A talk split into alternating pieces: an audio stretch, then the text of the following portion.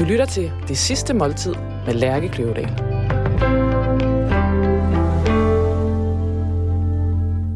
Velkommen til Det Sidste Måltid. Jeg hedder Lærke Kløvedal, og jeg er journalist og madanmelder på Politiken. Hver uge inviterer jeg en gæst til at spise deres sidste måltid sammen med mig. Gæsten vælger normalt en forret, en hovedret og en dessert, som udgør gæstens drøm om det sidste måltid. For inden har jeg skrevet min gæsts nekrolog ud fra de artikler, der over årene er skrevet om gæsten. Undervejs i programmet så læser jeg nekrologen op, og på den måde får vi forhåbentlig i fællesskab fundet frem til gæstens eftermæle. Ugens gæst er skuespiller Peter Myggen. Du kender ham fra et væld af danske film- og tv-serier, og måske allerbedst som Nikolaj i Nikolaj og Julie. Og det, der er sagen i dag, det er, at Peter Myggen har som den første gæst simpelthen valgt at lægge menuen over til ja. Kokken. Det er rigtigt. Og det er, fordi jeg elsker at blive overrasket. Altså, jeg, jeg er sådan ret traditionel, når jeg går ud og bestiller mad. Øh, fordi jeg har nogle yndlingsting, øh, og så har jeg det med at bestille det, og jeg bliver lykkelig hver gang. Første ret, I får her, det er carpaccio, lavet af oksenderlår. Der er lidt morkelcreme, stegte små morkler, øh, bagte små tomater, lidt frisé, hvide spars og havesyre. Og i glasset øh, får I et glas orange vin, det her macereret øh, hvidvin, og det er også fra Italien, kommer fra, fra Venezia-området, lavet på dronen Malvasia for huset Skærk. Velbekomme. Tusind Dejligt. tak, Rune. Det lyder så skønt. Og for meget faste lyttere må jeg, er det rigtigt, at Rune ikke er Alban. Fordi at uh, Alban, han er ved at åbne sin, uh, sin restaurant op i, i dag, som han jo ellers er kok på. Fordi det her, det er en af de første dage i København, hvor, uh, hvor, vi, hvor byen åbner op efter uh, corona Det her, det er mit første måltid, øh, efter coronaen åbner op. Så jeg, for, jeg har glædet mig helt vildt ærket så meget til at sidde her. Man simpelthen sidder over for hinanden med pæn service Ja. og noget dejligt i glasset. Og kigger ud af et sige, øh, vindue, og det er ikke ens eget vindue. Jeg sidder faktisk på en restaurant. Og jeg er ikke din kone, der sidder over for dig. Skål. Skål, I, så dejligt, at øh, du havde mig i tankerne. Og skål til vores kære producer, som også Skål, skåler med. Kasper. Som jo, Skål, jo Kasper. flere programmer vi laver, jo mere drikker han. Jeg synes, det er øh, en meget stor øh, tillidserklæring Mm. til verden og, øh, at bestille en, øh, en menu, hvor du ikke ved, hvad der kommer. Ja. Og, altså specielt når det er dit sidste måltid. Ja, Det, jeg, jeg ved ikke selv, om jeg kunne være så cool. altså det ved jeg heller ikke. Altså nu, nu er jeg jo ikke døende Nej. på nogen måde. Så, så jeg tænkte, altså jeg elsker at komme ud, og der er nogle mennesker, der har lavet noget. Derfor elsker jeg at bestille dagens menu, eller dagens øh, fire retter, eller fem retter, eller hvad det må, nu må det være. Det der med at få noget i munden, men ikke lige gud, wow, hvad, hvad var det, du sagde, det var? Og jeg, det, det elsker jeg. Derfor elsker jeg også, når jeg rejser, bare at sige til den lokale lille restaurant, make your best pasta, hvis jeg sidder hos en lille mutter nede i, i Syditalien, i en af en lille knejpe nede på en lille havn eller noget. Altså, jeg, jeg har ikke behov for, at just give me the wine you think is best for this spaghetti, eller hvad man nu spiser. Så ja, jeg er generelt meget åben. Og oplever at få kærlighed tilbage. Ja. den, øh, Det der med, at nogle mennesker gør sit bedste for at gø- gøre, give mig en oplevelse. Det er også noget, jeg selv prøver på som skuespiller og foredragsholder. Og gøre mit bedste. Gør mig umage. Ikke altid det bliver modtaget øh, med klapsalver. Det må man jo erkende som voksen menneske, at øh, lige meget hvor sød og positiv og dygtig du selv synes, du er, så er det ikke dermed sagt, at modtageren synes det. Og det er jo også kokkens dilemma. Han kan jo sagtens lave noget, som han har gjort sig sindssygt med, og så sidder der en og tager det munden og siger, det her, det kan jeg slet ikke. Men, øh, men nu har jeg jo ikke smagt på det endnu, så nu er jeg bare er åben ligesom, og glæder mig. Det er virkelig gamet, ikke? Jo. Fordi, fordi det, er jo også, man, det kan jo også skuffe helt voldsomt. Og begge veje. Jeg, jeg vil sige, det er sjældent, jeg virkelig er blevet skuffet. Altså på en restaurant. Altså det, jeg, og jeg, jeg har venner, som øh, har rejst sig op. Jeg kan huske en gang, vi havde booket på en meget, meget fin restaurant i Madrid. Og, og, vi, og det var virkelig sådan nogle gourmet-typer, som er et meget højere level. Altså, de, de tænker meget over, hvad de bestiller, hvor de bestiller. Og, og, og da vi sætter os og læser menukortet, så siger den ene, og siger, så siger han, det her, det vil jeg simpelthen ikke spise. Altså ud fra menukortet. Vi havde ikke bestilt noget endnu. Og rejser sig op og siger, vi går, og jeg, klokken var ni. Du er pisse. Jeg var sindssygt sulten. Ja, mit blodsukker var minus 11. Ej, ej, vi, vi tager lige en forret. Vi tager lige et eller andet. Niks. Han, der var no-go. Okay. Og min bedre halvdel var helt, øh, øh, sagde, okay, så går vi. Så endte vi med at træske rundt i Madrids gader klokken 10 om natten. Altså, og kunne, altså endte med jo en lille tilfældig ting. Det var skønt.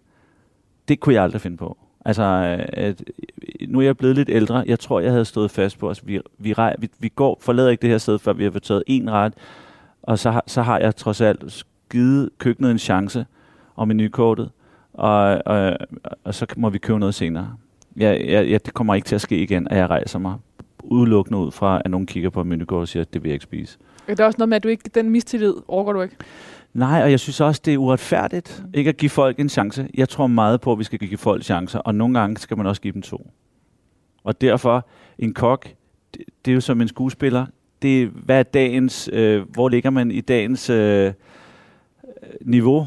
Øh, og ja, han kan have haft en lorte morgen med skænderi med konen, eller teenage-datteren, eller whatever, eller en VVS'er, der ikke dukket op, eller ødelagde det, han skulle reparere.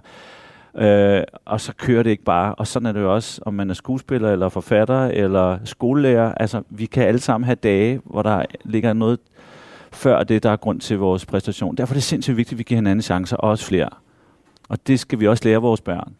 At, at, at give en ven, som måske har sovet en og sagt noget dumt, give ham en chance til at give vedkommende videre.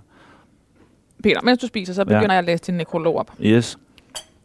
Den hedder Skuespiller, Familiemenneske og virkelig god karma. Og der må jeg lige sige, skuespiller, foredragsholder. Mm-hmm. Foredrag er blevet en vigtig del af mit liv de sidste 12-15 år. Det der med, at jeg åbnede en dør for en del år siden, det startede for alvor med vores søns overfald. Vores ældste søn blev overfaldet to gange. Og det viser, at der var faktisk første gang var foran Svandmøllen station kl. 4 om eftermiddagen. 13 år gammel.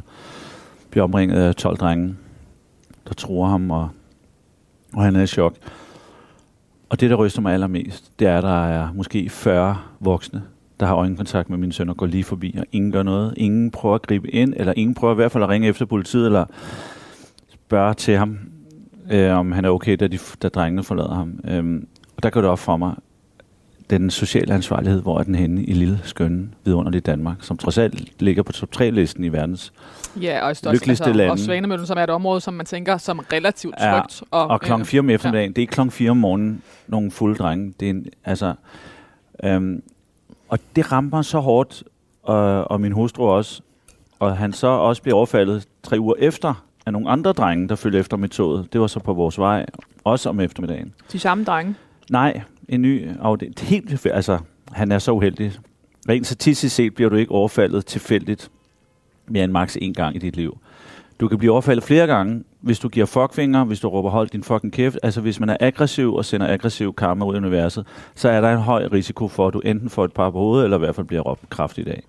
Men hvis man lader være med det, så er, så er chancen for, at der sker der noget ekstremt lille. Altså som i ekstremt lille. Men han bliver ramt to gange inden for tre uger. Så politiet sagde statistisk set, at det her er ikke normalt. Og de var selv rystet.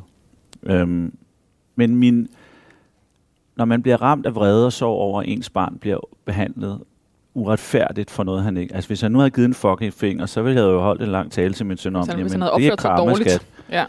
Du har råbt hold jeres fucking kæft, eller du har givet en fuckfinger og prøvet at løbe din vej, og de har indhentet dig. Det, dermed giver det dem ikke ret til at banke dig, men, men øh, der er en årsag til, at det jo kom derud. Og den vrede og afmagt, som både min hustru og jeg følte, og sorg, havde det bare sådan, jeg må ud og tale til den danske ungdom. Øhm, så øh, Også for Ja. selv at kunne være i det. For at kunne gøre et eller andet jeg imod måtte, den jeg, der måtte gøre, jeg måtte bruge den her, den her vredes energi til noget. Og da jeg så tilfældigvis er et, et menneske, der har mulighed for at, at øh, har en stemme på grund af mine tv-serier, og hvad jeg nu har lavet øh, i showbiz igennem årene. Og så har jeg en god ven, Olav Hervel, som hører historien, og vi laver en artikel. Som er journalist. Ja, mange år på Berlingske på politikken nu. og som øh, ikke er bange for at tage følsomme emner op. Uh, og han, vi laver, han laver en lang artikel med mig om, om uh, social ansvarlighed. Om, hvad det, om vi lever, lever vi i et samfund, hvor folk ikke hjælper hinanden og griber ind. Og det gjorde pludselig, at nogle skoler begyndte at ringe til mig. Ja, vi har meget vold i skolegården. Har du lyst til at komme og snakke om det f- til vores børn og unge? Og det, øh, så søgte jeg penge i Trykfonden. Og, den, og de slog til lige med det samme. Så fik jeg til 50 skoler, og sammen øh, med SSP, øh, sammenslutningen i Danmark, og Kriminalpræventiv Råd, så fandt jeg de 50 værste skoler i Danmark. Altså, jeg kiggede på et stort kort, og så pegede jeg skoler ud fra Nordjylland til Sønderjylland til Vestjylland til Falster, whatever.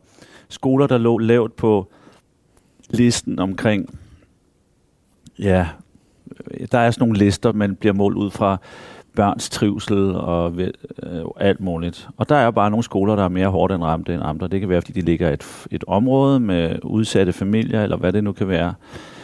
Um, og der tog, de der 50 foredrag, det var simpelthen en øjenåbner for mig, at jeg kunne bruge mit skuespiltalent, mit formidlingstalent til at, og, og, og de der unge, jeg kommer jo ikke ind af skolelærer, og jeg er heller ikke politimand. Jeg er bare en far, der har en søn, der er blevet gennemsmadret, og så har en mission om at tale til deres hjerter, om at de faktisk har en chance nu for at ændre adfærd, hvis de overvejer at gå med i noget, der kan få konsekvenser for et andet menneske.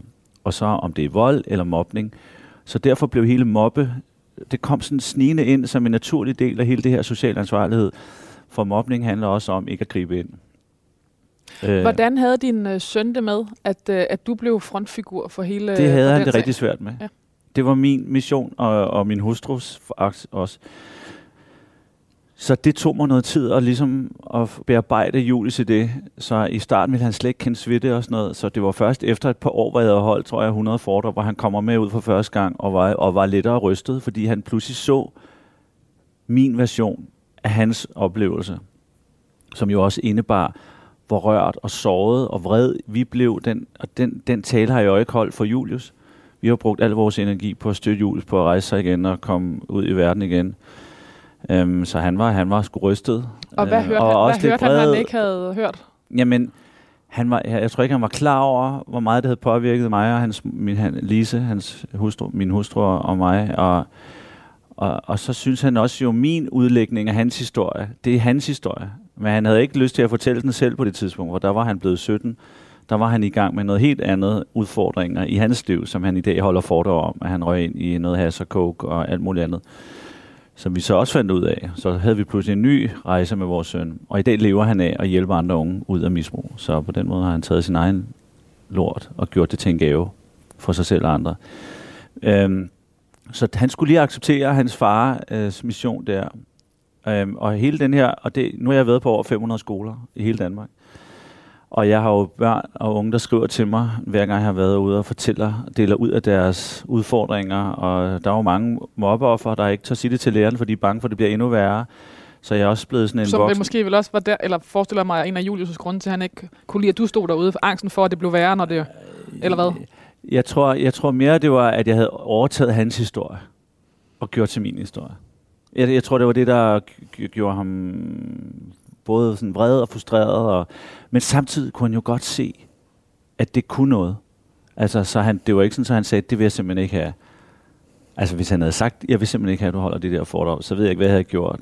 Og så må jeg jo tage min søn alvorligt. Det gjorde han ikke. Er det simpelthen sådan, at det her faktisk blev vigtigere for dig, end din skuespilskarriere? Det blev på en eller anden måde meget mere betydningsfuldt. Det der med, at pludselig man finder ud af, der var en dreng, der skrev til mig for et par år siden. Jeg havde været på en skole for 10 år siden. Skrev han på Facebook. Nu er han blevet 22. Jeg havde været på en skole, da han var 12 eller sådan noget. En af, en af de ord, jeg tager op, når jeg holder foredrag, det er karma. Det der. Og prøv at snakke med børnene. Ved, hvad er karma? Hvordan, hvad forstår I ved ordet karma? Det der med konsekvensen af ens handlinger kan komme retur. Hvis du gør noget godt, hvis du hjælper nogen, så er der faktisk en stor chance for, at der kommer et eller andet godt tilbage. Det, det, er, ikke, det er ikke sikkert, at det kommer lige for den, du har gjort noget ved. Men så kan det være, at der kommer noget god kammer. Hvis du, hvis du gør noget grimt, ondt mod andre mennesker, om det er på de sociale medier eller hvor det er, så er du i risikozonen for, at der lige pludselig vælter noget den anden vej. Altså pludselig, du kan sidde på den høje gren og bare køre den negative karma ud i universet. En anden dag, så kan den knække, og så slår du dig big time. Og det, det, hold, det snakker om, og han, han sagde bare, at han havde bare tænkt over det der karma, fra jeg var, havde forladt hans gymnastiksal, og havde tænkt over det næsten hver dag siden, når han åbner sin hoveddør og går ud af døren. Hvordan møder jeg andre mennesker? Hvordan taler jeg med andre mennesker? Hvordan taler jeg til andre mennesker? Hvordan forholder jeg mig til nogen, jeg synes er irriterende og grænseoverskridende? Øh, hvordan lærer jeg at sætte grænser og sådan noget? Og ja, man, At en, en lille mand, som 22 år, øh, skriver det til mig, så har det bare sådan, halleluja. Hvis jeg har formået at plante nogle små frø som, en, som kan være svært for en 14-årig teenager at fatte, hvad fanden er det. Men fordi at jeg har mine skuespillerværktøjer, så kan jeg stå med, jeg kan råbe, jeg kan græde, jeg griner, og jeg, jeg har en bred blanding af, jeg har jo ikke en, der står, og det er jo så også gaven ved at komme ud og holde et foredrag og gå igen. Skolelærer, som er bare på mange timer om dagen, det er klart, de bliver nødt til at lægge sig ind i en anden form for rytme. De kan jo ikke, ikke komme ind og lave en eksplosion i hver time, som jeg gør, fordi jeg bare har et, maks to foredrag om, om dagen. Og den der eksplosion, der kommer ind, kan jeg mærke for nogen til pludselig at vågne op og tænke over, hvilke menneske vil jeg gerne være? Og det er jo i virkeligheden det, jeg gerne vil have de unge mennesker til at tænke over. Hvilke menneske vil du gerne være? Var det i virkeligheden nogle af de samme øh, grunde, du gik ind i skuespillet med? At have lyst til at ændre noget? Eller hvad var din... Øh, Men ja, og det er jo, og det er jo fordi, at jeg voksede op med en mor, Jytte Appelstrøm, som siden jeg var lille barn har sagt, vi skal fortælle nogle historier, der påvirker og inspirerer folk til at kigge på verden.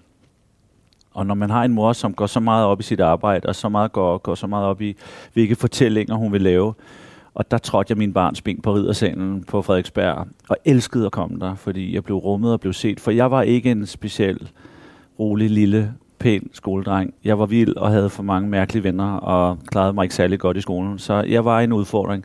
Men derinde på teateret, når jeg fik lov til at klemme ud min mors kostymer og kravle rundt under Svend Knud og Valdemar, som var min første sådan, forestilling, jeg oplevede, jeg tror, vi er 1969-70, som blev en banebrydende forestilling, fordi hun samlede en masse gale mennesker.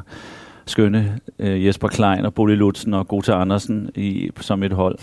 Øhm, og de mennesker så mig og rummede mig øh, på en måde, hvor jeg oplevede, at nogle af mine lærere mere dømte mig, fordi at jeg var lidt urolig. Jeg havde ikke svært ved at række hånden op, når jeg ville sige noget. Jeg sagde bare noget. Der var nogle ting, jeg havde, jeg havde svært ved at t- indordne mig. Jeg havde nok fået en diagnose i dag, hvis jeg havde levet den, hvis den fandt, men den, de fandtes ikke dengang, mange diagnoser. Så ja, teateret blev sådan en måde.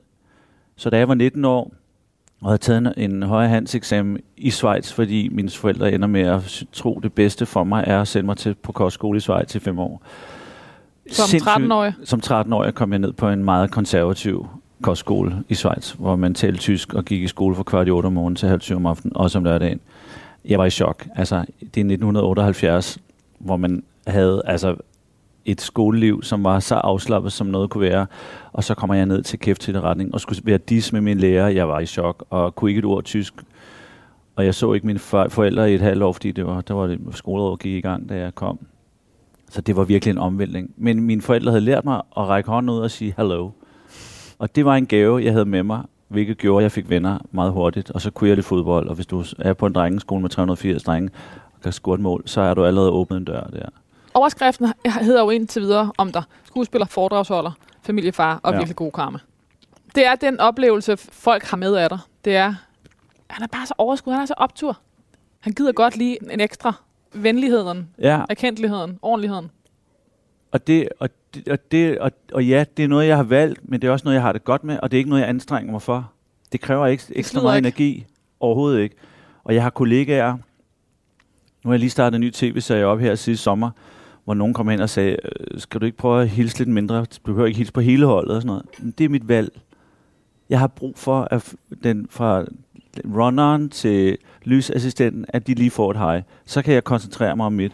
Men det er et valg, jeg har taget, og jeg bruger ingen energi på det. Har du altid øh, gjort, haft gjort det? Haft det sådan? Haft lyst til det? Det synes jeg. Altså, jeg kan huske, da jeg kom ind på teaterskolen, Statens Teaterskole, som det hed dengang i 1988, så efter en uge kommer dramalæreren hen og siger, Myggen, hvis du vil blive en rigtig seriøs, dygtig skuespiller, så skal du holde op med at gå og sige godmorgen til alle nede i kantinen, når du kommer om morgenen. Og jeg, jeg var helt i chok, så jeg sagde, hvad, må jeg ikke sige godmorgen? Nej, du skal gå ind, og skal du føle vreden, og altså, det er en helt anden drivkraft. Det der, godmorgen, godmorgen, nej, det blev det ikke nogen store skuespiller af. Og hvad gjorde det ved dig, han sagde Det det? gjorde, at jeg havde to dage, jeg ikke sagde godmorgen, og så gjorde jeg det igen. Ja, det gad jeg simpelthen ikke. Jeg, jeg tænkte, jeg kan sgu godt blive en god og dygtig skuespiller, samtidig med, at jeg siger godmorgen. Men var og der jeg noget, møder stadig kollegaer, som, som simpelthen ikke uh, hilser på statister eller runner. Der er ikke mange af dem, men der er nogle stykker. Og det må de om. Det, det er deres kammerregnskab? det er deres, øh, det må, ja, men hvis de, sådan er det, det er deres valg, og sådan er det. Um, hvis jeg oplever, at nogen snakker grimt til nogen, så kan jeg ikke lade være at blande mig. Og det gør jeg ikke ved at sige, du skal ikke tælle grimt til en runner, så siger jeg, jeg tror, det er vigtigt, at vi med autoritet, som man jo er, når man er skuespiller på et sæt, at vi tænker over, hvordan vi taler til dem, der ligger lavere nede i hierarkiet. Der er jo noget befriende i at have en mission. Men der kan også være, en, øh, forestiller jeg mig, noget, øh, at verden bliver så stor af, af uretfærdighed, at man næsten ikke kan Jo, vide, hvor man og skal det starte. er mine følelser, man tænder. Jo mere du træner dem, jo mere ser du ting. Og det er lidt min udfordring nogle gange, fordi jeg fornemmer og ser alt dårlig stemning. Og nogle gange står jeg altså midt i sindssygt mange replikker på en optagedag, der bare kører sådan her. Øhm, så der må jeg nogle gange trække følehornene til mig og fokusere på mit eget. For det, det er ikke alle bål, jeg kan slukke på min vej i livet. Det har jeg måttet acceptere. Men- ligesom det tog mig også mange år at acceptere, at hvis jeg kom til en fest, og jeg ikke synes den kørte, så var det ikke mit ansvar at få en fest op at køre. Og det havde jeg svært ved i mange år. Der troede jeg, "Nå, men så må jeg underholde. Så skal jeg tage sanghatten på og, og lave noget sjov. Jeg, det, og det var virkelig svært for mig i starten at gå til et bryllup eller til en rund fødselsdag og ikke rejse mig op og stå på klasset, medmindre jeg havde 100% lyst. Tit gjorde det, når jeg ikke havde lyst, simpelthen fordi jeg følte en forpligtelse. Og i dag siger jeg, at jeg skulle ikke lyst i dag. Skuespiller, tv-vært, entertainer, foredragsholder, forfatter og instruktør Peter Mygind er død. Han blev kendt for at kunne spille på alle tangenter, fra det vildt fjollede på slap line til det dybt alvorlige. I de seneste år kom familien først. Måske er det ikke rigtigt med familien. Måske er der at skrive kom foredragende først. Kom, hvad vil være det rigtige her? Nej, familien er det vigtigste. Og det holder jeg fast i. Ikke dermed sagt, at det altid lykkedes for mig. Fordi i starten af min karriere, der sagde jeg bare ja til hver gang telefonen ringede. Jeg sagde ja, før jeg overhovedet hørte, hvem der var i den anden ende. Du havde ja-syge. Helt vildt. Og som freelance øh, skuespiller, så skal man bare være heldig. Er der overhovedet nogen, der tænker på en? For der er virkelig mange dygtige talenter at vælge imellem. Og hvorfor skal vi vælge ham frem for ham, eller hende frem for hende? Så jeg sagde ja til alt, og knoklede helt vildt. Og vi fik jo barn sindssygt hurtigt. Lise blev gravid efter fem uger. Jeg havde kendt hende, og det var det, der hedder en meget hurtig graviditet. Så, så øh, vi havde, og Lisa havde fuld gang i hendes butik med at blive færdig på universitetet og fik straks job på Danmarks Radio og har været der i rigtig mange år. Nu er hun blevet selvstændig performance-træner. Øhm, så vi havde mange udfordringer. Øhm, jeg prøvede at prioritere min familie så godt jeg kunne, men, men jeg har hele tiden været klar over, at det er det vigtigste. Øh, og, og det gik sådan i løbet op for mig i starten af min karriere, hvor jeg lavede rigtig meget teater. Og så kom der flere og flere tv-serier til. Og så kan jeg pludselig huske, der hvor det ligesom vendte for mig en gang, var, hvor det gik op for mig, okay, hvem er det, hvem skal jeg bo sammen med om 20 år?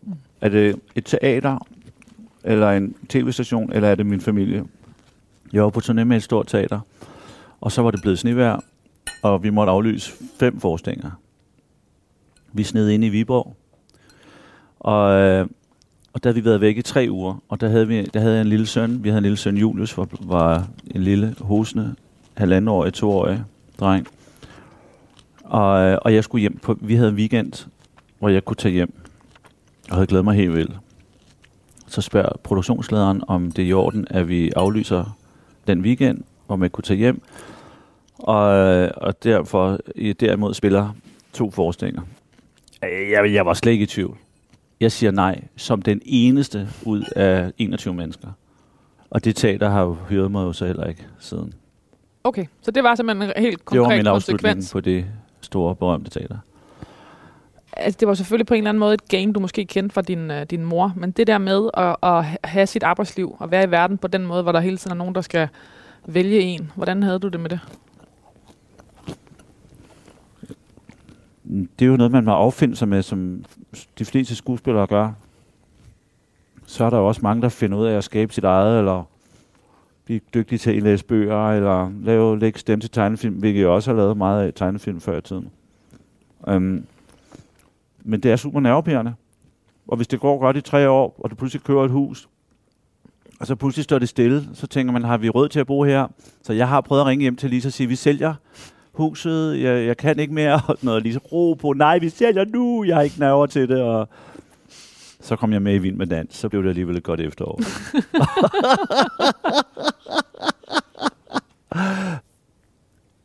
Han var skorkaj med charme, selvtillid og lækkert hår. Han var mærkelig mokke i ride af Lars von Trier. Den naive Andreas i Taxa, hele Danmarks Nikolaj i Nikolaj og Julie. Den skumle Axel Winter i modstandsfilmen Flammen og Citronen. Hyggelig onkel Erik i Min Søsters Børn. Det er smådumme svin Michael Laugesen i Borgen. Og The Dane i Emma Thompsons julekomedie Last Christmas. The Dane. The Dane. Det var en dansker. De ledte efter en dansker. Og der, Og så, det kunne du. in de lidt efter en høj dansker. Tall, charming Dane comes in in the Christmas shop. Og øh, jeg filmede faktisk en tv-serie i Tyskland på det tidspunkt, og så ringer min, mit management op og siger, Myggen, uh, Emma Thompson leder efter en høj dansker, det skal sgu være dig. Så tog jeg lige hjem og lavede en, en lille casting, som man selv filmer. Min hustru, eller det vil sige min søn på 21 filmede, og Lise spillede uh, Emilia Clark. Nej, hende, nej min, uh, den, uh, hvad hedder det, kinesiske skuespiller, øh, jeg spiller over for, og øh, hun gæstikord. Og om mandagen, det var om lørdagen, og om mandagen blev ringet op, og fik jeg ved, at Emma Thompson loves you. Og så fire dage efter stod jeg i London til kostymeprøve. Det var sindssygt. Og når det er Universal Pictures, så bliver du hentet på hjemmeadressen i en stor limousine. altså i København, når du skal filme i London. Det er ikke sådan noget med, at du skal selv finde ud af lufthavn. De skal nok finde lufthavnen for dig. De skal nok sørge for, Ja, at de at du kommer til kommer at gøre alt og for, godt til at du lufthavn. kommer og, Ja, og er i ja. godt humør, når du ja, ankommer. ja, ja, lige præcis. Og jeg har... Øh, Og så var det så verdens sødeste, altså mega kendis, jeg nogensinde har mødt. som er Emma Thompson. Emma eller? Thompson, at jeg, jeg til dato, jeg er aldrig kommet ind ad en dør som helt ny, og det er jeg der. Ingen anede, hvem jeg var. Hun omfavner mig i kvarter og siger, I love you, and thank you for being in my production. I'm so honored. I'm, du ved, og jeg blev med at sige, det er sgu mig, der elsker dig, det er mig, der er honored. Men nej, hun blev ved. Og sådan var hun hele vejen igennem. Og så når hun over for alt, runner, for altså alt, det mest. Og det kom fra hjertet. Det var helt, jeg, var, jeg er så taknemmelig over. Jeg har også kollegaer, der har lavet film, hvor der er ingen, der taler til dem, og man bliver hentet i sin trailer og smidt ind i sin trailer. Og sådan er det. Altså, Og sidder og tænker på, at man har gjort alt forkert. Ja, men det her var der bare, hun var medproducer og havde skrevet filmen, øhm, og jeg havde nogle enkelte scener sammen med hende, men hun var bare helt fantastisk, og så den sødeste instruktør, øh, ej, og alle var søde. Hold nu op. Nu- Italiano. Italiano, ja. Buon appetito. Det er tortelli, tortellini, kan man næsten også i lidt større format, ja. fyldt med ricotta, oregano, der er lidt purløsolie, friteret salvie og parmesan. Og i glasset er vi så gået til Loire, glas Chenin Blanc, som er lidt mere burgundisk i stilen, har noget fedme, ligesom matcher selvfølgelig smøret og pastaen i sig selv, og osten. Dejligt. Og øh, kommer fra huset Chateau Yvonne. Velbekomme. Fantastisk, tak. Tusind tak. Ej, mand. Skal vi starte med at smage på Ja. Yvonne. Yvonne? Fru Yvonne. Lidt, øh, lidt mere, man kan godt mærke, at den har en lidt anden farve, lidt tungere farve. De her roller, jeg lige har, øh, Ja, ja. Er der... Hvis vi nu siger, det er din nekrolog, er der nogen, der, er- der, er- der er ligegyldige? Er der nogen, du virkelig gerne vil have med, som ikke står her? Når som ikke står der, som mm, du ikke har Som nævnt. jeg ikke har nævnt. Altså, der er selvfølgelig to serier, der har betydet rigtig meget. Dels Ride, fordi jeg får lov at møde skøre, talentfulde, mærkelige Lars. Lars von Trier. Ja, Lars von Trier. Øhm, og i den forbindelse med jeg Anders Reffen, som var instruktørassistent, fordi Lars var jo ikke så meget til stede på selve optag, location. Han sad ude et andet sted og instruerede, fordi han ikke... Det er noget med mange mennesker, eller for lavt til loftet, hvor det var. Øhm, så jeg kom tæt på Anders, og han skulle lave en ny serie på DR, der hed Taxa. Og Svend Clausen, producenten, havde set mig i ride. Altså, nogle gange kommer... Altså, så er man bare lige på det rette sted og gør det godt, og så kommer man med i noget videre. Og så fik jeg lige tre år med Taxa. Og så stod det jo... Som var vel dit gennembrud, eller hvordan tænker du det selv? Ja, men det sjove var, fordi da jeg lavede Ride, der blev jeg ringet op af Mogens Vemmer på BRU, der siger, vi skal lave, har du en idé til noget børnetv? Så siger jeg, hvornår er det? Det er lørdag morgen, du må lave lige, hvad du vil. Så ringede jeg til min ven Lars Mering og sagde, vi skal lave noget børnetv. Og så lavede vi Charme, Selvtid og Lækkert Hår, Scorekaj, Scoreshow. Altså, det er ikke tre timer siden, hvor jeg gik ud på min vej, hvor der kom nogle håndværkere og ruller ruden ned og råber, hvad så Scorekaj? Altså, Ham må du leve med. Han er din fan af, han er plantede jeg i danskernes øh, hjerne i 1994, så er den så blevet genudsendt. Så jeg, jeg har oplevet børn, der siger, ah, men han har ikke de tre S'er, hvor jeg så spørger dem, hvem, hvor har I det fra? Det er bare noget, man ved. Altså, men de aner ikke, at det er mig, eller fordi de aldrig har set det. Det er bare sådan nogle, så har de hørt det fra deres far eller mor, eller whatever. Og det er jo sjovt, at man er med til at plante sådan noget. Så, så ja, da jeg lavede Ride, lavede jeg Skorgej, samtidig med, at jeg havde været med i en anden krimi, som Bjørn Larsen instruerede, der hed Frihedens Skygge, hvor jeg møder Frit Helmut og Erik Vedersø, får lov at spille med nogle rigtig tunge drenge. Og der havde, det var før jeg lavede Ride.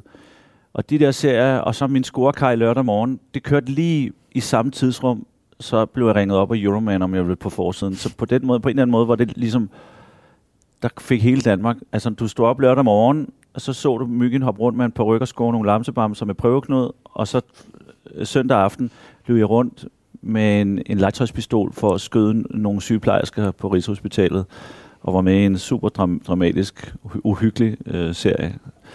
Øhm, Hvilket år var det? det var 94-95. Så kom der lige en krimi efter Taxa, øhm, og så skulle de, ville de gerne lave en kærlighedshistorie. Og så spurgte de Sofie Gråbøl og mig, om vi ville lave uh, Nikolaj og Julie, Og der sammen med Søren øh, Svejstrup. der, jeg tror ikke, der er mange øh, nulevende danskere, i hvert fald over en eller anden vis alder, som ikke tænker på, øh, hvad hedder han, Tim Christensen sang, så snart man What hører. if we have meant to be together? Mm-hmm. Og, og, og, og Tim var virkelig the hot musician på det tidspunkt. Og øh, jeg kan huske, jeg mødte ham på en eller anden festival, hvor jeg var med backstage, og de skulle op og spille med hans band, og jeg, jeg følte lidt, vi var friends, fordi han sang var jo blevet meget berømt i Nicolai Julie. Ja, dengang kunne han, det kunne han slet ikke. Uh, altså, han var simpelthen Du for- skulle ikke være en del af ej, ej, ej. hans Det der øh, folkelige uh, Nicolai Julie romantic, altså, uh, jeg, jeg er rock and roll, altså. Der, der kan jeg bare huske, det, det gad jeg det ikke. Det var altid lidt over. Nå, wow, ja. Og du følte ligesom, I var en. Ja, han, han havde skrevet tilsang til en serie, der var den mest sete altså, serie, og blev vandt årets tv-serie, og jeg blev kåret til årets skuespiller i Danmark, og altså, jeg, jeg kunne slet ikke se, at vi ikke var total homies. Det, det, var, det var vi ikke der. Siden har vi skrevet og helt pænt og sådan noget. Alt er fint.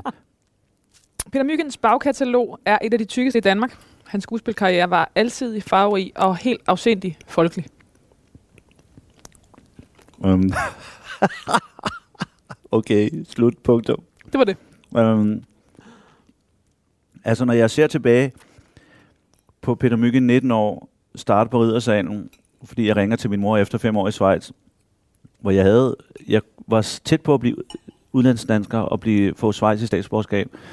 Fordi jeg fik et brev øh, fra den schweiziske stat, at nu havde jeg boet i Schweiz i fem år, og hvis jeg ville, kunne jeg blive schweizisk statsborger. Og min far, forretningsmand, lavede business i Schweiz, sagde, øh, der er altså store muligheder, hvis du vælger det. Altså, og, jeg, og jeg tænker over det, og tænker, skal jeg være Schweizer og køre rundt hernede og blive noget business dude? Um, jeg kunne simpelthen, jeg havde brug for at komme hjem.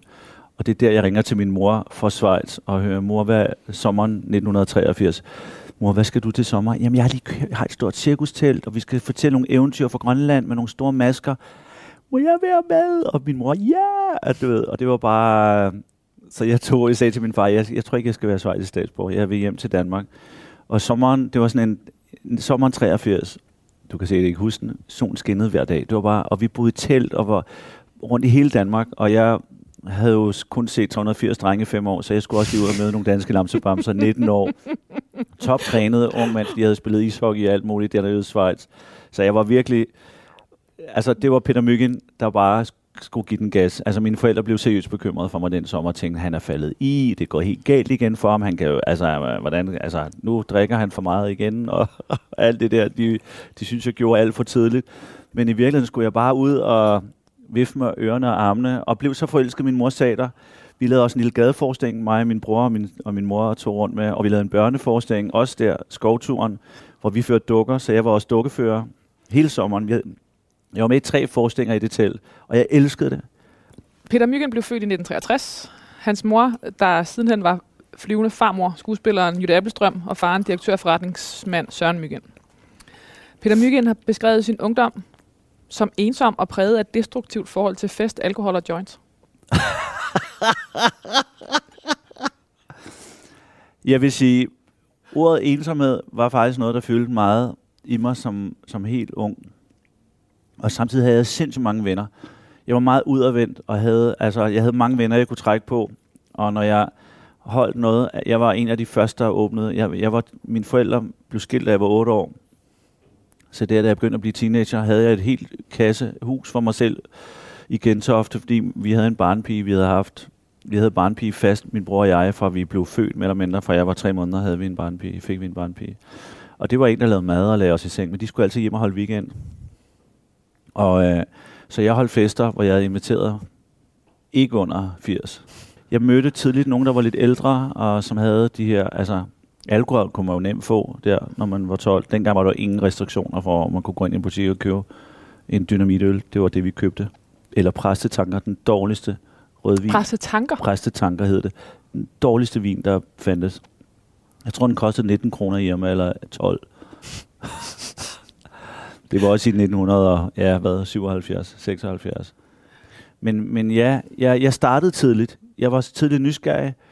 Øhm, så alkoholen, og man fører også ud af, når man drikker noget, så er man ikke bange for at spørge om Lotte Finsen ved Snæve, eller Helle Friberg, eller hvem man nu var vild med. Altså, øhm, og der var ikke rigtig nogen, der holdt øje med det, så jeg havde ret frie tøjler, og havde svært ved at, at kontrollere det selv. Og det var selvfølgelig også den bekymring, mine forældre finder, altså, det vokser hos den. Øh, hvad skal vi gøre med patter? Lille patter. Lille vilde patter. Og der var det, altså, der lå det så åbenbart for. Min far lavede forretninger i Schweiz, og havde en forretningsbekendt, der fandt ud af den her kostskole. Den ville skulle nok lære ham. Men kontrasten til, prøv lige, for, prøv lige at forklare, hvad ankom du så til der i Schweiz? Fordi kostskole har jo for mig... Øh, Det var jakkesæt og slips, og en ringklok, der ringede kvart i syv om morgenen, og så havde du tre et halvt minut i et brugsbad, og så blev du smidt ud, fordi så skulle en anden til, eller var det halvanden minut, det var, der stod sådan en duschchef, en ældre elev, der bestemte, hvornår man skulle ud af et brugsbad. Um, og så når kl- næste klokke ringede, så skulle du gå ned og spise morgenmad, og når klokken ringede igen, så stod du bag pulten nede i klasseværelset. Altså, og hvad hvis man i ikke gjorde? Danmark, når klokken ringede, hvad har vi af fag? Hvor skal vi gå hen? Der gik nemt 10 minutter i timen. Når klokken ringede i Schweiz til time, så stod du, der stod du der og ventede på at læreren kom. Fordi hvad, hvad skete der ellers? Så blev der, var der ballade. Altså, big time. Men, men du havde vel også oplevet, at der var konsekvens før, eller hvad havde Nej, der ikke været konsekvens før? Jeg havde ikke oplevet konsekvens. Jeg havde oplevet, dit, øh, man lægger, jeg lægger ansvaret over til dig, og det havde jeg svært ved at styre. Så jeg lærte, jeg lærte at gøre mig umage. Jeg lærte at tage ansvar for mig selv og mit liv. Jeg lærte at møde til tiden. Jeg lærte, altså jeg lærte sindssygt mange ting. Jeg lærte, det er op til mig selv, hvad der skal blive ud af mit liv og min skolegang. Det er, at der er ingen kære mor, der hjælper dig her. Der er ingen far, der hver dag spørger, har du lavet lektier, hvordan går det, eller sætter noget. Nej, det var mig selv, der måtte styre det der. Og det lærte jeg i Schweiz. Men så var du fem år i Schweiz, Fem år. og som så ikke var øh, helt så firkantet, som, som øh, hvad hedder det, kostskoler kan være. Øh, gætter jeg bare, når du også siger, der var teater, der også var... Eller hvad? Jeg, jeg fik lov at lave teater. Det havde der ikke været før. Der havde, der havde ikke været elever, der lavede forestillinger. Det var et nyt fænomen, jeg bragte ind. Um, så jo, jeg vil, jeg vil våge at påstå. Altså, det var et sindssygt strengt miljø. Simmerkontrol en gang om ugen, og man, altså, hvis du trådte et gram forkert, så, var der, så faldt der brand ned. Altså. Men jeg lærte, jeg var ret god til at tilpasse mig, og det, jeg, jeg, tror, jeg tror, det er en gave, jeg har fået med hjemmefra, det der med, hvad er det for nogle mennesker? Når det, så er det sådan, vi snakker. Så når min mor havde nogle skøre skuespillere inde, så var det, så var det til, at det skøre. Når min far havde sine forretningsvenner, så var, det, så var man lidt mere forretningsæg, og det går jo. Og, altså, så jeg var sådan god til at tilpasse mig og indordne mig alt efter, hvem jeg havde med at gøre. Og det har reddet min røv mange gange. Men altså, var det så fem år, altså uden joints, alkohol, alt det der, du øh, ligesom Ja, havde? ja. ja, okay. Jeg tror, jeg prøvede at smule en joint med en gang øh, fra en sommerferie, fordi nogle venner tvang mig til det, fordi de aldrig havde prøvet det, da jeg var 16 år. Og det gik selvfølgelig helt galt, fordi sådan en, en rigmands søn, der aldrig har prøvet noget, et væs på et lille oppe på et bjerg, ikke, gjorde han besvimet midt under middagen, og ja, vi var ved at blive smidt ud alle sammen. Men han øh, sladrede heldigvis ikke. Ellers var jeg røget på det. Hvordan har du det med, at de tog den beslutning? Jamen, det er noget, jeg skulle bearbejde og tilgive. Men de gjorde det jo, fordi de synes, det var det bedste, de kunne give mig. Men ja, jeg har også været såret over, at de ikke tog kampen op og tog sig af mig, fordi jeg havde brug for nogle voksne autoriteter, der sagde, Myggen, lille Peter, du åbner nogle døre, der ikke er gode for dig lige nu. Men det havde de ikke tid til. Og vores barnpige skulle bare sørge for, at vi fik mad og kom i seng. Men nåede du alligevel at øhm, kigge på den historie, da du øhm, med din søns historie selv gik ud og lavede en fortælling, som var vigtig for dig? og som han forstod Jamen, han. jeg, min historie, ja, den var vigtig for mig, men min, min historie gik også ud på, at jeg vil gøre alt, hvad jeg kan for at undgå, at det her, at det min søn er blevet udsat for, skal ramme nogle andre børn. Det var min hovedmål i det, og det var også det, jeg prøvede at fortælle Julius. Jeg vil jo prøve at hjælpe andre unge til at tage nogle kloge beslutninger i deres liv næste gang. De, de står, og der er en kammerat, der siger, vi tager lige for sjov hen og smadrer en. Altså, nogen går til fodbold, nogen går til skak, og nogen går til smadring. De der drenge gik til smadring. Er, I, er, I, er I sådan som familie, og du sådan, som, er, som forældre, er I kommet jer over den historie? Det tog mange år. Helt vildt. Men min foredrag har jo hjulpet mig. Altså, det har været min lille psykologtur. Altså, jeg har jo bearbejdet min vrede, min afmagt og min sorg. Men, men vi kunne jo se, at Julius, der skete jo ting med Julius adfærd. Dels fordi han var midt i, og han, han blev også teenager på det tidspunkt. Der skete mange ting med Julius. Øh, og som jo også endte med, at han øh, og tog stoffer og alt muligt, som vi ikke så i starten, fordi han var pissegod til at komme hjem og spise og passe sin skole og gik til basketball på højt niveau. Og, så vi så ikke alle faresignalerne. Han, vi troede bare, at han var en sløv teenager. Så var det selvfølgelig min hustru. Kvinder har lige den der ekstra detektivnæse end måske nogle mænd. Og der sagde, at der er, der er et andet river og galt. Og det var der jo så også. Og heldigvis tog Julius imod hjælpen. Jeg vil af med selvfølgelig en italiensk klassiker, øh, Panna Cotta, lavet på vanilje. Mm. Rabarber, som selvfølgelig er i sæson her nu, skal man ud og så plukke, hvis man kan. Jeg har gjort det i Storsøsters have. Og så lidt øh, skovsyre. Og så får vi, vi får simpelthen dessertvin. Det er, så det er til en, at øh, skylle det sidste ned med, selvfølgelig. Øhm, Sido hedder den. Øhm, baseret på to druer fra Alsace. Det kommer selvfølgelig fra Alsace fra øh, Huse Binder. Det er gewürztraminer og muskat. Noget af det, som man selvfølgelig kender, der giver noget sydme og lidt urtet karakter. Rammer lidt det her øh, skovsyre, og selvfølgelig også det syrlige rabarber og fedmen fra vanilje og, og, og fløde. det smager Den er virkelig dejlig. Virkelig dejligt, ja. Kunne du selv som forældre pludselig se et mønster i det, du oplevede i Julius fortælling og, og, og, den, og din egen øh, fortælling som barn? Nej, fordi jeg kunne godt se, jeg kunne godt se fortællingen om, at han har haft to travle forældre. Men, men vi har også, han har også haft to forældre, der i den grad har prioriteret at være sammen med sine børn. Og snakke med vores børn og se vores børn. Vi har snakket så meget med vores børn, at de har været ved at kaste op. Altså, og min hustru er uddannet kan med i dansk psykologi og kommunikation, så hun er god til også at lige gå et ekstra dybde ind i hjernen på de unge mennesker. Øhm, så nej, jeg har prioriteret sindssygt meget at dyrke, være på ferie med mine børn. Lisa var jo fastansat på det, altså der tit var der ferie, hvor hun ikke kun var, jeg havde fri som skuespiller, så jeg har også rejst med drengene alene, og ej, vi har, og vi har altid holdt ferie sammen. Ej, vi har, jeg, de har fået en helt anden... Men uanset hvor meget kærlighed, og hvor meget omsorg, og hvor meget nærvær man giver sine børn, så har du ingen jordisk chance for at styre, hvad det er for nogle fællesskaber, ens børn går ud og møder. Du har ingen en jordisk chance for, om ens barn får et lavt selvværd, selvom du har sagt til dem, at de er skønne og dejlige som dem, de er. Fordi det kan være, at de har nogle venner, der har sagt til dem, at de er nogle spadere, eller en lærer, som gang på gang fortæller dem, at du kan godt glemme alt om at blive ingeniør, eller hvad man nu drømmer om, og har kommet til at sige højt en time. Derfor er det sindssygt vigtigt, at vi alle sammen, om vi er skolelærer eller forældre, eller hvad vi er, tænker over, hvad det er, vi siger til vores børn. Hvordan vi ser på dem. Vi skal, men vi skal også selvfølgelig skubbe til dem. Vi skal også lære dem at tage ansvar. Og vi skal selvfølgelig også, når det går galt, og det gør det jo også, vores børn også holde fester, hvor vi lige måtte holde øh, efter Som også var den forkerte, forkerte møder og af 80 sige, prøv her drengen, har I lyst til at holde fest igen? Fordi så er der nogle ting, der skal ændres, ellers stopper det lige her. Og det har de taget til sig. Så de har holdt alle de fester, de ville. Der har været nogle gange, hvor de lige missede en sms, at de skulle skrue ned og træde indenfor. Men øh, vi laver også fejl som voksne, så det ville være dumt at lukke butikken på grund af en dårlig handling. I 2015 faldt Peter Myggen om 20 meter fra akutindgang til Gentofte Hospital med blodpropper i begge lunger. Han var død i et øjeblik, men overlevede, fordi der kom en læge forbi på cykel og redde ham. Ja, Du har haft tre blodpropper Mhm. mm. i alt. Og, øh, i benene. I benene. Og den tredje røg op i lungerne, og så kan du dø. Og har, har måttet kigge på og skulle dø, måske skulle dø, være tæt på at dø. Ja. Det er helt vildt mærkeligt.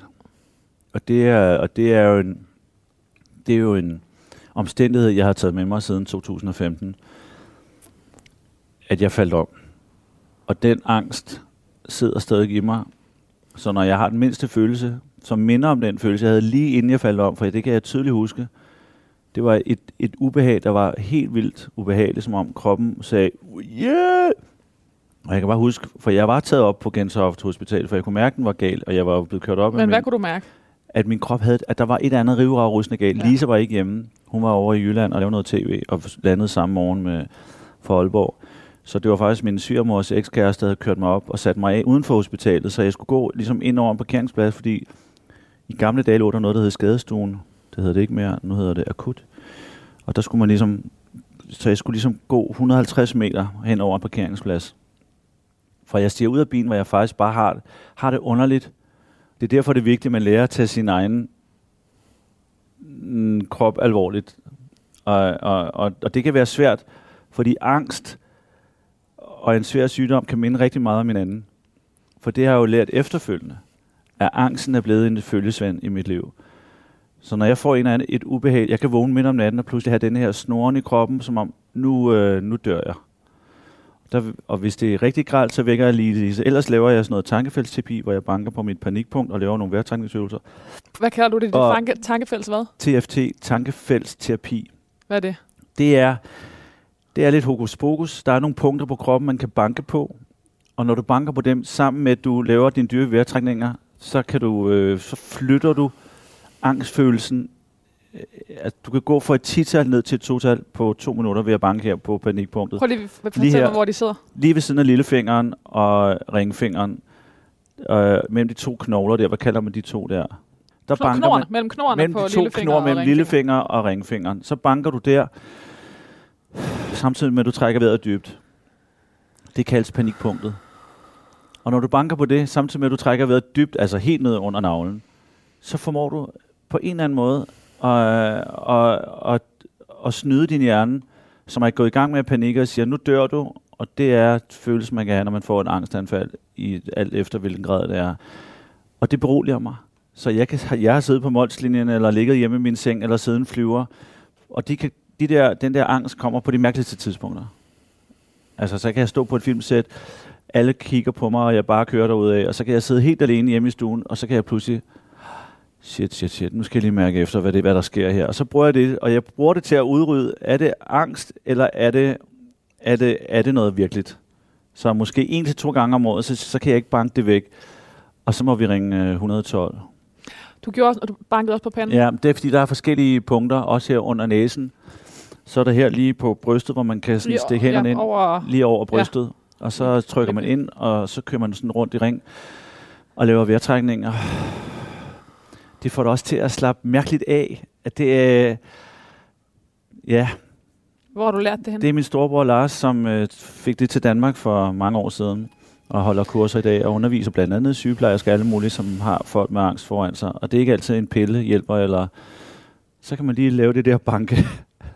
det er totalt syret. Hvad, hvad kan Men du det hjælper. Er der noget, der trigger det, angsten hos dig? Nej. Altså ved du, der, kender du, er der ligesom sådan en, Nej, en formel, nej. hvor du ved, okay, Det, det er en følelse, det er et ubehag i kroppen, som pludselig dukker op. Jeg kan sidde i en film inde i biffen med min hustru og være helt på, og lige pludselig, så kommer den bare, fuck mand. Og så sidder jeg og tænker, okay, det er helt vildt. bruger du stadig meget tid på det? Altså, er det, ja, er det, jeg har er- siddet S-tog, meget? jeg har siddet S-tog, hvor jeg, hvor jeg banker mig, og jeg føler ikke lige, det reagerer med det samme. Og jeg sidder og kigger på en dame, der sidder lige over for mig, der sidder sådan og stiger på mig. Altså blodet forsvinder, og jeg tænker, er jeg ved at dø? Og jeg, og jeg sidder og tænker, nu spørger han, kan du ikke give jer lungemassage? Altså det, og jeg er lige ved at sige det, så banker jeg lige videre. og så, for, så, så, var det, så forsvinder, så går jeg i, i ro igen. Hvordan, Men altså, jeg har forberedt mig på, en eller anden dag, så kommer jeg til at sige til en eller anden fremmed menneske, på gaden eller wherever, undskyld, jeg lige stopper dig, men jeg er bange for, at jeg dør. Så kan du give jer lungemassage, og så skal du ringe 112. Jeg fik en stor spillefilm nede i Tyskland, hvor jeg får et angstanfald uden en kæmpe trailer, og der står sådan en tysker, 5 minutter her Møgent, uh, og jeg tænker, shit mand, dør jeg nu? Skal jeg bede mig om at ringe efter en ambulance? Og jeg, det var min første scene, og de havde lige ændret alle replikkerne på tysk. Jeg var i forvejen total. Og der kunne jeg mærke den der stress over, pludselig de havde ændret hele lortet og skulle kæmpe scene, hvor jeg var ligesom var ham, der kørte scenen. Jeg var altså spillet over for en stor tysk skuespiller. der fik jeg det banket væk, men jeg tænkte et øjeblik, nu øh, ender jeg på et tysk hospital. Det gør jeg ikke. Det er, også, altså, det er vel også øvelsen i at kunne stå med den sårbarhed, Ja, for den er sindssygt ubelejlig. død ubelejligt og død irriterende. Men det, jeg har også valgt at sige, det er en del af mig, og jeg omfavner den, og jeg byder den velkommen. Men jeg er så heldig, at jeg kan styre den. Der er rigtig mange mennesker med angst, som ikke kan styre den, og som bliver lammet af det. Jeg var, jeg var i Jørgen og holde et foredrag, hvor der står en kvinde, stortudende ude foran. Og jeg løber hen. Jeg kan, det kan jeg slet ikke. Øh, og jeg, hey, er du, hvad der er sket? Jeg troede, der var sket andet. Jeg har social angst, og jeg vil så gerne høre dit foredrag, men der sidder 300 mennesker derinde. Jeg kan ikke gå derind, jeg kan ikke gå derind og sådan noget. Og jeg prøver lige at give noget tankefældsterapi, men jeg havde ikke tid desværre, for jeg kom i sidste øjeblik, fordi der var en færge, der ikke var sejlet og alt muligt. Så, så jeg har jo set bare en krop, hvor, hvor meget angst skal fylde og påvirke dig. Det kan jo kunne hele dit liv. Fuldstændig. Noget, du har været død.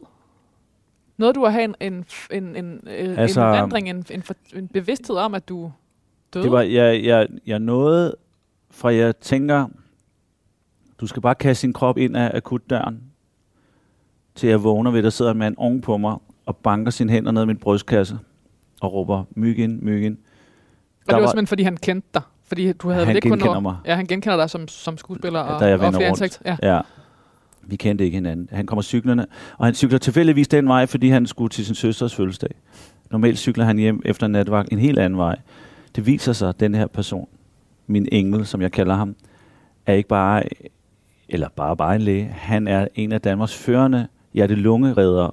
Altså han, han underviser Trykfonden, Røde Kors og dem alle sammen i, hvordan kan man redde menneskeliv bedst muligt, når man ikke, når man er uden for et hospital. Det er simpelthen, jeg blev reddet af The master. verdensmesteren i hjertelungeredning. At det er jo... Øh, Føler du dig ofte heldig? Heldig. Det er sjovt. Heldig, det er ikke sådan et ord, jeg bruger så tit. Altså, jeg er bare taknemmelig over, at jeg reagerede. Hvis jeg var blevet derhjemme, hvis jeg tænkte, fuck, jeg, eller undskyld, shit, jeg har det dårligt. Hvis jeg havde lagt mig på min sofa, der var ingen hjemme, så kunne jeg have været død. For Lise kom først hjem tre timer senere. Du mistede din far sidste år. Ja. Han, min far øh, døde lige inden corona brød ud, og nøj, var jeg lykkelig. For vi kunne være der, os der kunne være der, og vi kunne holde en begravelse, så jeg er så taknemmelig over. Og jeg har så ondt af dem, der mister eller føder i den her tid, for der må du heller ikke være, altså om det er liv eller nyt liv eller ny. Vores søn har jo fået en, og sviger der har fået en vidunder lille dreng. Jules måtte jo først komme op, når fødslen gik i gang. Altså, så hun gik rundt alene, men det gik hurtigt og er gået godt. Så. Øh, hvad- hvordan har det været at være dig i livet efter din far døde? Øhm, både min mor og far har jo levet indtil februar. Og min mor lever endnu, så jeg har jo ikke prøvet at, jeg har jo ikke prøvet den der sorg og savn, at man ikke har sin far mere. Så jeg har jo fået en, en ny sorg, et nyt savn ind i mig, som, som bare er der. Men han blev 85, og han har levet et fantastisk liv med sin vidunderlige hustru, Anne-Marie, der var sammen med ham i mange år. Så jeg er dybt taknemmelig over, at han blev 85. Han kunne ikke mere. Så, så det, er jo, det, var, det gør jo ondt at miste en, man holder af, og samtidig var jeg godt klar over, når man har levet så skønt og sjovt et liv, så, har, så en dag, så kan kroppen ikke mere. Og det kunne den ikke. Peter Myggen efterlader altså en stor familie i øh, familiehuset i Charlottenlund. Her boede han med sin kone, Lise Mühlhausen, deres yngste søn i stueetagen, og deres ældste søn, svigerdatter og børnebørn på første sal, og svigermor Tove på anden sal. Ja. Mor Jytte kom ofte forbi at spise med. Hver søndag er Jytte til søndagsmiddag. Det er usædvanligt. Det er det. Så der er også mange, der gerne vil lave alle mulige programmer om os. Det er ikke blevet til noget. Indtil videre. Æret være hans minde. Ja. Der måske gerne stå, han gjorde, han gjorde sig umage. Men jeg, jeg, jeg vil spørge dig, hvad der skal stå på din gravsten. Det kunne... Ja, men altså, et, et ord, jeg tit bruger mig selv, eller, men, men det kan også være, det er det her ord humørbombe. Men samtidig er det også død irriterende at være en humørbombe, fordi der er abs- absolut dage, hvor jeg ikke er nogen humørbombe. Øhm, Men man er jo aldrig Nej, hele tiden. Så det, men, men jeg er absolut mest? en, en, en mand, der elsker livet. Øh, og god til at nyde det. Jeg, jeg er ikke bange for at dø. Jeg gider bare ikke dø. Jeg har ikke lyst til at dø endnu overhovedet. Jeg føler mig ret ung og frisk. Peter Myggen, tak fordi du vil være min gæst.